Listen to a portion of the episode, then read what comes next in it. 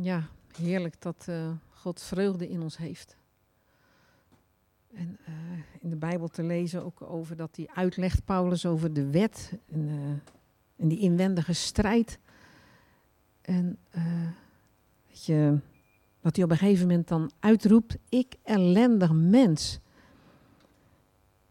Ik ellendig mens, wie zal mij verlossen uit dat lichaam van deze dood? En dan zegt hij, ik dank God door Jezus Christus. Hij heeft ons verlost. En op de zusterochtend hadden we het van de week ook over dat we drie vijanden hebben. En de ene vijand, één van die vijanden is het vlees. En dat merk je vaak in je lichaam. Dat je dingen wil doen die tegen de wil van God ingaan. Maar gelukkig staat er hier ook, er is voor ons geen verdoemenis meer voor hen die in Christus Jezus zijn. Die niet naar dat vlees wandelen, maar naar de geest. Als er een probleem was, dan moesten ze altijd volgens de regels het weer oplossen.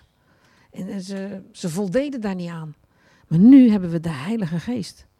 En als we voelen dat we iets willen doen tegen de wil van God in, dan hebben wij de Heilige Geest en Jezus ook, die wij aan kunnen roepen. En die zegt, help Heer, help, want ik wil het niet. Verlos mij hiervan. Dus die niet naar het vlees wandelen, maar naar de geest. Je voelt ook vaak dat dat is, wat staat ook ergens in de Bijbel. Er is een strijd tussen vlees en de geest. Dat is altijd een strijd. Maar in Christus hebben we de overwinning. En ik heb er ook ooit een keer bij gezet in een andere Bijbel. Er is nu geen verdoemenis meer voor hen die in Christus Jezus zijn, had ik erbij gezet. Jippie. Jippie. Er is voor mij geen verdoemenis meer, omdat ik in Christus ben. Dank u wel, Heer.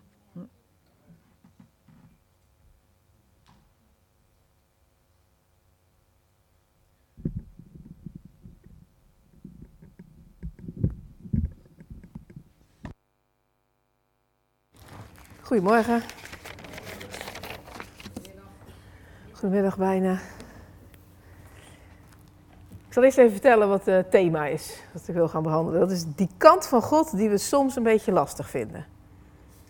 Nou, ik weet niet of je het zo al een beetje herkent. Ik, ga uh, straks verder, maar laten we eerst bidden. Uh, ik denk zeker met dit thema is het ontzettend belangrijk dat je Gods stem hoort vanmorgen en niet, en niet iets anders. Ik, uh, ik moest denken aan uh, Marcus, die was een keer met een collega, ging hij ergens wat eten bij de McDonald's en uh, hij ging even bidden voor zijn eten. Dus die collega die zegt, oh, bid jij voor je eten? Ja, zegt Marcus, hier wel, ja. Dus, dus ik denk met name voor deze preek lijkt het me goed om te bidden. En misschien kun je dat even voor jezelf doen. Dat je zelf het connectie zoekt met God en zegt, God, ik wil uw stem horen vanmorgen.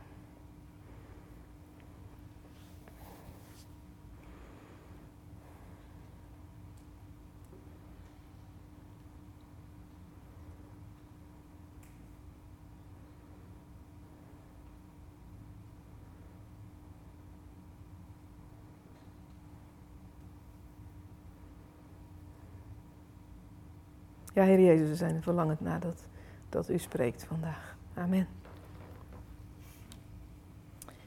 Goed, de kant, de kant van God die we soms een beetje lastig vinden. Uh, misschien herken je het wel dat je soms uh, in de Bijbel zit te lezen en dat je denkt van, uh, pittig stukje. iemand die, die dat wel een beetje herkent? Ja? ja. Wat, wat voor stuks bijvoorbeeld? komt er iets?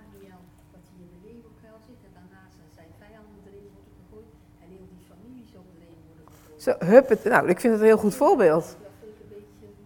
Zo, dan denk je, hup, niet alleen die mannen die het gedaan hebben, maar uh, met de hele gezin. Uh, dan denk je, nou, nou. Nog iets? Jullie willen niet graag met, we vinden dit lastig. Hè? Normaal zijn jullie sneller met reageren, maar dit is gewoon moeilijk. Hè? Ananias en Safira. Dat is ook zo'n verhaal, dat je denkt, nou, ik ga toevallig straks lezen. Weet je, de Ark van Noach. Is ook zo eentje. Weet je, heel leuk verhaal, hè? De Ark van Noach, toch? met, met die boot en, en die diertjes, twee en twee de ark in, en een regenboog en een duifje. Je hebt er ook speelgoed van, van Little People, van de Playmobil, van de Fisher Prize, allemaal de Ark van Noach. Maar als je dat verhaal nog een keer gaat lezen, en dan denk je bij jezelf, uh, hoe, hoeveel mensen gingen daar precies dood? In, in gedachten dan zie ik uh, de lijken in de bomen hangen. Dat is heel serieus. Weet je, weet je en wat, wat doen we dan? Weet je, we hebben het er maar liever niet over. Goede oplossing, toch?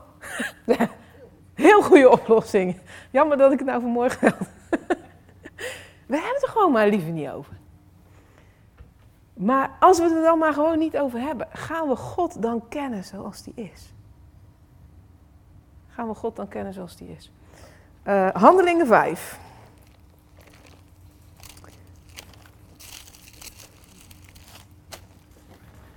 Guess what? Ananias en Safira. er staat het volgende. Een zekere Ananias verkocht samen met zijn vrouw Safira eveneens een stuk grond, maar hield een deel van de opbrengst achter. Ook zijn vrouw wist ervan en bracht de rest van het geld naar de apostelen. Ze zaten de boel een beetje voor de gek te houden hier.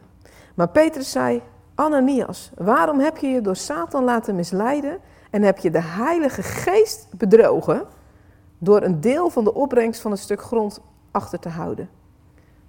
Uh, je had toch gewoon kunnen doen met dat geld wat je, wat je wilde, zegt hij. Je, je had immers niet hoeven te verkopen. En uh, nu je het wel verkocht hebt, had je met de opbrengst toch kunnen doen wat je wilde. Wat heeft je bezield om je zo te gedragen? Niet de mensen heb je bedrogen, maar God zelf. Bij het horen van deze woorden viel Ananias neer en stierf. En iedereen wie dit ter oren kwam, schrok hevig. En enkele jonge mannen wikkelden hem in een lijkwade, droegen hem naar buiten en bedroegen, begroeven hem. Ongeveer drie uur later kwam zijn vrouw binnen, die niet wist wat er gebeurd was. Petrus vroeg haar: Zeg me, heb je het stuk grond voor dit bedrag verkocht? En ze antwoordde: Ja, voor dit bedrag. En daarop zei Petrus: Hoe heb je durven besluiten om de geest van de Heer te trotseren? Kijk, degenen die je man begraven hebben staan voor de deur en ze zullen ook jou naar je graf dragen. Onmiddellijk viel ze voor zijn voeten neer en stierf. Toen de jonge mannen binnenkwamen, troffen ze haar dood aan. Ze droegen haar naar buiten en begroeven haar bij haar man. De hele gemeente en alle die hiervan hoorden, werd door grote schrik bevangen. is een beetje stil van, hè? dit soort stukjes lezen we meestal niet op uh, zondagochtend. Um, ik ga even terug naar vers 5. Iedereen die dit te horen kwam, schrok hevig. En vers 11. De hele gemeente en alle die hiervan hoorden, werden door grote schrik bevangen. Er was ineens schrik in die jonge gemeente. Ze waren heel erg. Wat voor schrik was dat? Als je even jezelf probeert in te leven in die situatie. Ze werden door grote schrik, ze zijn gewoon geschrokken. Ze zijn gewoon geschrokken. Vers 4 en 9, dus dat vers 4 staat. Wat heeft je bezield om je zo te gedragen? Zegt Petrus. Wat heeft je bezield om je zo te gedragen? Vers 9. Hoe heb je durven besluiten om de geest van de Heer te trotseren? Weet je, als, als, ik, als ik daarbij nadenk en bij stilprofeet staan, bij die schrik, dan, dan komt er een soort besef over die gemeente die zegt: met wie heb ik eigenlijk te maken? Jongens, met, met wie hebben we eigenlijk van doen als we in contact komen met de Allerhoogste God? Weet je, wil je God kennen zoals die is, in zijn totaliteit, inclusief die dingen die wij soms lastig vinden? Weet je, als je je Bijbel opent en leest, Zoek je dan elke keer opnieuw de bevestiging dat God is zoals jij denkt dat hij is? Of dat, dat God is zoals je graag wil dat hij is? Of mag de Bijbel inspraak hebben op jouw beeld van God? Mag de Bijbel, als, die, als je die leest, jouw beeld van God corrigeren? Kom jij in de aanwezigheid met God om te zeggen: God, ik weet hoe u bent? Of kom je in zijn aanwezigheid om te zeggen: God, hoe bent u? Hoe bent u? Want ik ken u wel, maar ik wil u dieper kennen. Ik wil u helemaal kennen. Ik wil alles van u kennen. Ik lees even een tekst uit Jeremia. 29 vers 11. Dat is een hele bemoedigende tekst. Uh, ik heb het idee dat ik hem die laatste jaren gewoon steeds vaker voorbij wil, hoor komen. Ik ben er zelf door bemoedigd. An, uh, ik heb er andere mensen mee bemoedigd en ik zal er andere mensen graag mee blijven bemoedigen. Er staat hier, Mijn plan met jullie staat vast, spreekt de Heer. Ik heb jullie geluk voor ogen en niet jullie ongeluk. Ik zal je een hoopvolle toekomst geven. Een andere vertaling uh, zegt: Weet welke gedachten ik over u koester. Gedachten van vrede en niet van onheil. Om u een hoopvolle toekomst te geven. Misschien heb je heel vaker gehoord. Um, die hebben we vaker gehoord, maar zes, verder versen, uh, zes verder uh, staat er ook wat. Dat is iets lastiger. En dat ga ik ook lezen. Want ik wil wel alles weten wat er staat. En niet maar een stukje. Uh, en daar staat dit. Dit zegt de Heer van de hemelse machten. Ik stuur het zwaard, de honger en de pest op en af. Ik zal met hen hetzelfde doen als met bedorven vijgen die niet meer te eten zijn. Ik zal hen met het zwaard, de honger en de pest achtervolgen en hen tot een afschrikwekkend voorbeeld voor alle koninkrijken op aarde maken. Hun namen zullen als een vloek worden gebruikt. Ze zullen afschuw en ontzetting wekken en bespot worden door alle volken. En waarnaar ik hen zal verbannen, want ze hebben niet naar mij geluisterd, spreekt de Heer.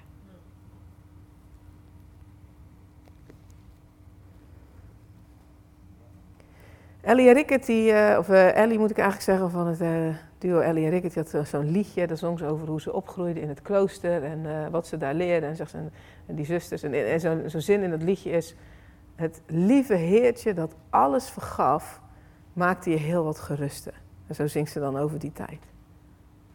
Nou, is God liefdevol? Absoluut, 100%. Is Hij vergevend? Absoluut. Is Hij het lieve Heertje dat alles vergeeft? Um, weet je, er zijn van die teksten die wij moeilijk vinden. Ik, ik zeg, als het ware hebben wij een soort kastje en die teksten, we weten niet zo goed wat we ermee moeten. We zeggen ook niet dat ze er niet zijn, want ze zijn er wel. Maar die leggen we soort van op dat kastje. Zo van, nou, ze zijn er wel, maar die leg ik dan maar even daar. En als ze heel vervelend zijn, dan liggen ze niet op het kastje, dan doe ik ze in het kastje. Eh, of ik doe de kastje op slot. Soms heb je nog, dan moet het kastje weer open, want dan heb ik nog, kom ik nog iets tegen. Dan denk nou, dat, dat doen we er ook nog even bij. Weet je, en, en we lopen daar een beetje vandaan. Weet je, kan het zo zijn dat hoe verder we van dat kastje vandaan lopen, dat op een gegeven moment ons beeld van God niet meer klopt? Ik ga wat teksten met jullie lezen. Efeze 5.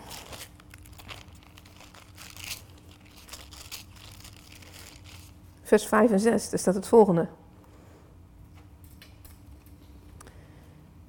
Want u moet goed weten dat iemand die in ontucht leeft, zedeloos of hebzuchtig is, dat is allemaal afgoderij, geen deel kan hebben aan het koninkrijk van Christus en van God. Laat u door niemand misleiden met loze woorden, want wie ongehoorzaam is, wordt getroffen door zijn toren. Efeze 5, vers 5 en 6 was dat. Ik lees Matthäus 3, vers 7 en 8.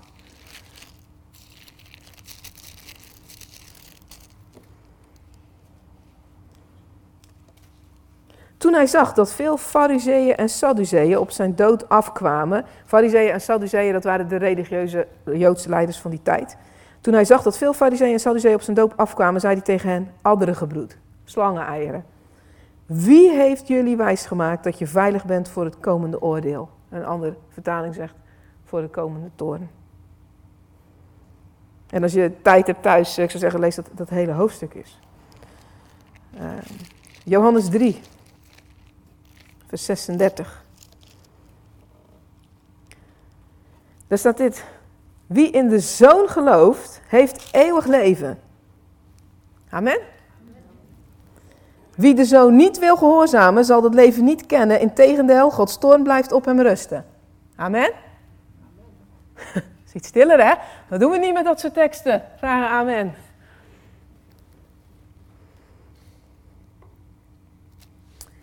Weet je, geloven wij als kerk in 2021 nog in de toren van God?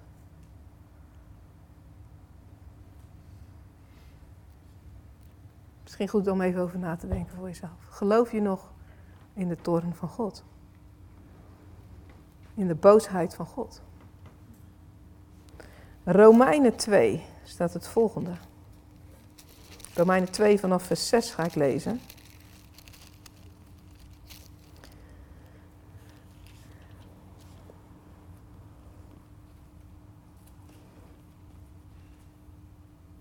Is ook bemoedigend.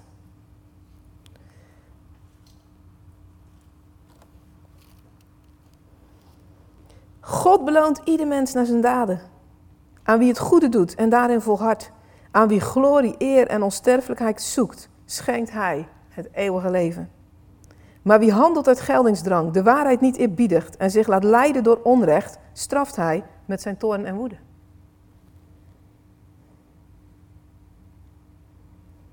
Colossense 3, vanaf vers 5.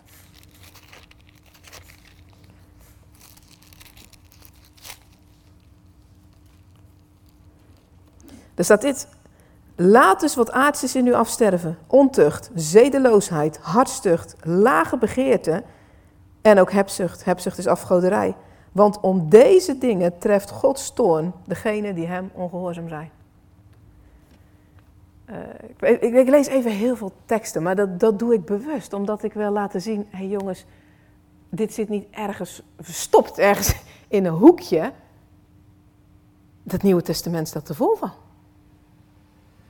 Wordt een hele grote kast. Heb je in de gaten? het was zo'n klein kastje met zoveel tekst. We moeten bijbouwen hier. Het wordt steeds groter.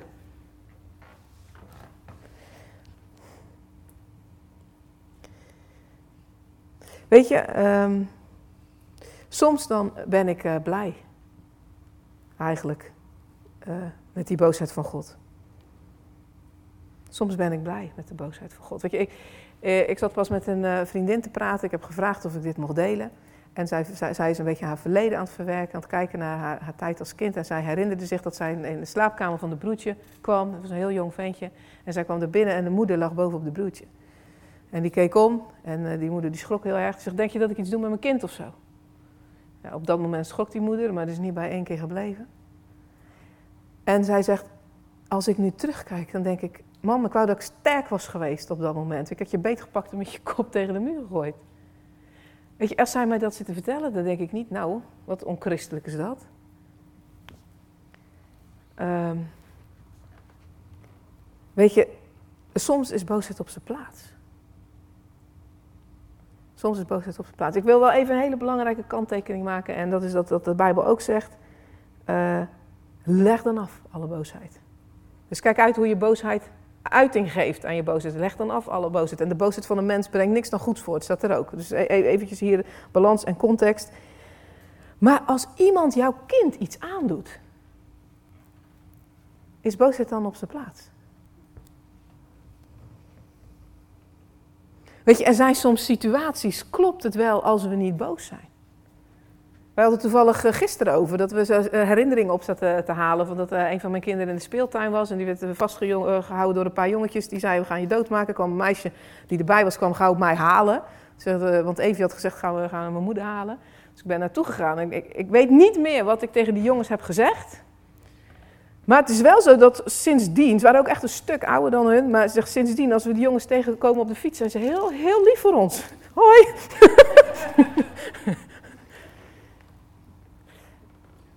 Weet je, soms is boosheid op zijn plaats.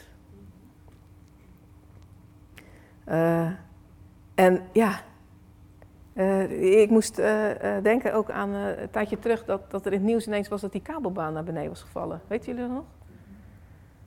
Uh, heel veel mensen dood, maar dat verhaal wat dan het beetje meeste blijft hangen. Ik, ik was er sowieso wat mee bezig. Wij, waren net in Noord-Italië op vakantie geweest. We zitten graag in de kabelbaan. In die kabelbaan maken we altijd ook nog een beetje soort grapjes van hoe diep het is en zo. Want je denkt dat je toch wel veilig zit. Uh, dus ik heb alles een beetje zo zitten lezen. En dan, dan lees je over een jongetje van vijf. Broertje dood, ouders dood, opa en oma dood. En hij komt bij in het ziekenhuis en dan zegt, laat me maar rust, ik ben bang een, een, heel erg ongeluk, maar ik was er echt stil van. Ik, ik was de hele, heel die dag, die zondag, was ik eigenlijk een beetje mee bezig met dat verhaal. Maar dan lees ik een week later in het nieuws dat er drie mannen zijn geweest die een remsysteem uit hadden gezet op die kabelbaan. Want die kabelbaan had stilgestaan door de coronatijd en op een of andere manier dat dat remsysteem is er dat voor het geval dat dan een keer zo'n lijn breekt, dat die remmen dan gaan en dat, dat zo'n karretje niet naar beneden zakt. Dat gebeurt natuurlijk nooit elke keer uh, ging dat remsysteem uh, in werking, terwijl het niet de bedoeling was. Ja, tijd kost allemaal tijd, tijd is geld. Dus er zijn er drie mannen en die beslissen, weet je wat, we zetten dat remsysteem even uit. Ongeluk. Weet je, en dan ben ik ineens een beetje boos. Dan is het ineens een ander verhaal. Ehm, ik zat pas naar het programma te kijken van de EO. Ik adviseer het geloof ik niet om het te kijken. Ik vond het heel grof, maar ik wilde toch alles zien. Het is uh, Jo Janneke uit de prostitutie. En er komen verhalen naar voren, die mensen zijn er bezig, die hebben de facts. Dat gemiddeld op elke middelbare school, nee, ja, op elke middelbare school voortgezet onderwijs, twee tot drie meisjes gedwongen in de prostitutie zitten. Ik heb het niet over de Filipijnen, ik heb het niet over Amsterdam, ik heb het ook niet over de meisjes die dat doen omdat ze denken, dan heb ik een zakcentje. Gedwongen in de prostitutie, gemiddeld in Nederland, twee tot drie meisjes.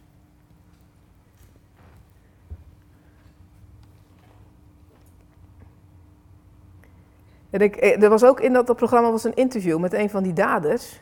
Die had nog niet echt, uh, het kwartje was nog niet echt uh, gevallen bij omdat er ook maar iets verkeerd was met wat hij deed. Weet je wel, zei, ja, maar hij perst af, ja, maar dan moeten ze ook maar doen wat ik zeg. Zegt hij. Dan moeten ze maar doen wat ik zeg. Het is logisch dat ik ze afpers, want ze doen niet wat ik zeg. Weet je, ik ben blij dat er nog een belofte is van Gods toorn over het onrecht in deze wereld. Ik ben blij dat er nog een belofte is van Gods toorn over het onrecht in deze wereld. Ik, ik lees Romeinen 1, vers 18.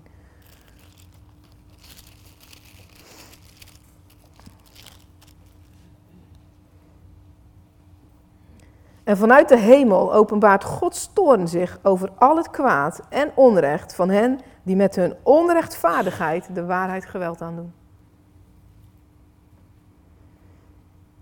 Weet je, God laat zich niet met zich spotten. Gelaten 6 vers 7 zegt dat. God laat niet met zich spotten. Daar begon ik ook een beetje mee met Ananias en Safira. Met wie hebben wij te maken? Weet je, daar word, je stil van. Psalm 18, vers 27 zegt: Tegen de reine toont gij uw rein, maar tegen de verkeerde toont gij uw tegenstander. Ik zou God niet graag als tegenstander hebben. Je, brengt dit iets in ons teweeg dat wij zeggen, vol ontzag aanbid ik u. Dat hele verhaal van Ananias en Safira ook, maar vol ontzag aanbid ik u, want de schrik doet mij beseffen met, met wie ik eigenlijk te maken heb. Openbaringen 6, vers 16 en 17 lees ik hier het volgende.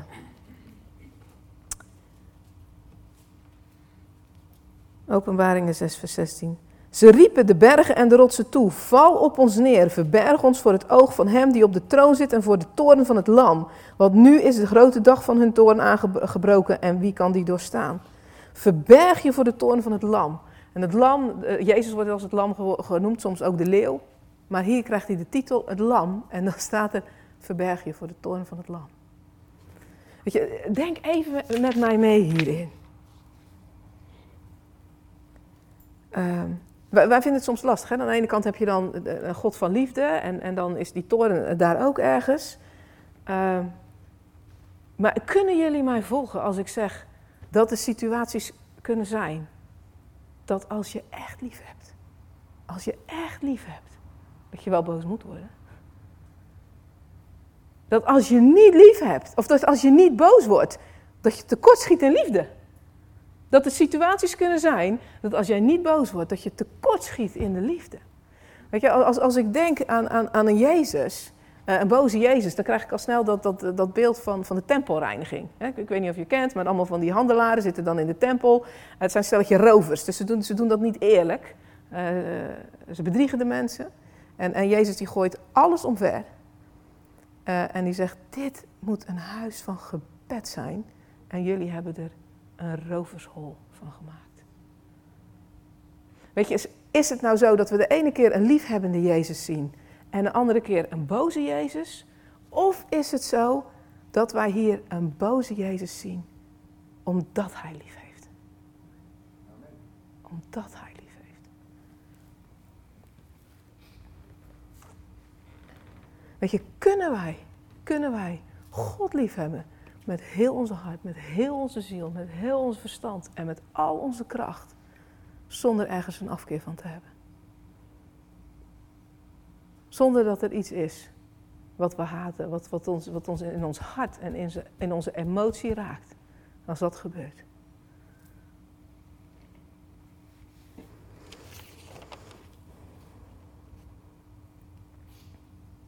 Ik wil eh, afsluiten met de tekst uit 1 Thessalonicense. 1 Thessalonicense 5 vers 9. Daar staat dit. Want Gods bedoeling met ons, met jou en mij, is niet dat wij veroordeeld worden, maar dat wij gered worden door onze Heer Jezus Christus. Dat is zijn bedoeling met ons. Dat is zijn bedoeling met jou. Dat is zijn bedoeling met mij. En dat is zijn bedoeling met nog heel veel mensen om ons heen. Dit is zijn bedoeling. Dat wij niet veroordeeld worden, maar dat wij gered worden door onze Heer Jezus Christus. Amen. Loop naar hem toe. Loop naar hem toe. Dit, dit, is, dit is zijn bedoeling met ons, met jou en mij. Weet je, de boodschap is vanmorgen, dat, kan twee dingen in ons teweeg brengen. Weet je, je kan je zo'n gevoel geven van, nou ja, als het allemaal zo gestemd is, dan, uh, doe ik maar een paar stapjes terug. Weet je, in je hoofd ben je al bij de achterdeur naar buiten. Maar het kan ook iets in je teweeg brengen van, ik, ik wil naar voren. Ik wil dichter naar hem. Ik wil dichter bij hem. Ik wil hem kennen zoals hij is. Ik wil in, in zijn veiligheid, in zijn bescherming, daar wil ik zijn. De, tekst waar u vanmorgen mee begon was, zo is, hè? Dus ja, zo is er dan geen verdoemenis meer voor hen die in Christus Jezus zijn. Daar wil ik zijn. En ik doe een stapje naar voren, want ik wil hem, ik wil hem kennen helemaal, in zijn totaliteit. Elk vlakje van hem, elk aspect van hem. En ik ga mijn sleutel halen en ik doe de kastje open. Spreekt u maar. Spreekt u maar tot mij wat, wat, u hier, wat u hierin wil zeggen. Want ik wil niks missen. Ik wil niks missen en ik wil op u lijken. Zullen we bidden?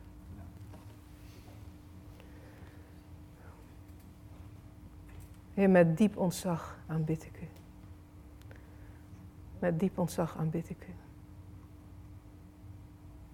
En dat is wat we willen doen. We willen stil zijn voor u. We willen buigen en zeggen met diep ontzag aanbid ik u. Heer, omdat we, omdat we een beetje beseffen met wie we te maken hebben. Een beetje beseffen wie u bent. En we buigen voor u en we knielen neer voor u. En ik dank u dat u met wijde armen open staat op ons te wachten met al uw liefde en al uw genade. In Christus Jezus. Heer, ik dank u dat er geen enkele vorm van veroordeling is in Christus Jezus. Heer, dat we bevrijd zijn van elke vorm van toorn die, die, die bij u is. Heer, dat u ons rechtvaardig maakt in de Heer Jezus. Heer, we, willen u zien. Openbaar uzelf elke keer weer op, aan ons op nieuwe manieren. Heer, en, en maak ons zoals u bent. Heer, ik wil een afkeer hebben van de dingen waar u een afkeer van heeft. Heer, ik wil haten wat u haat. Heer, en ik wil u danken, Heer, dat u, dat u liefdevol bent. Heer, dat u heel veel van ons houdt. Heer, en ik dank u ook dat u zoveel van ons houdt dat u boos bent over onrecht. Heer, en ik prijs u omdat u de Heer bent van de hemelse legers. Heer, prijs uw naam. Amen.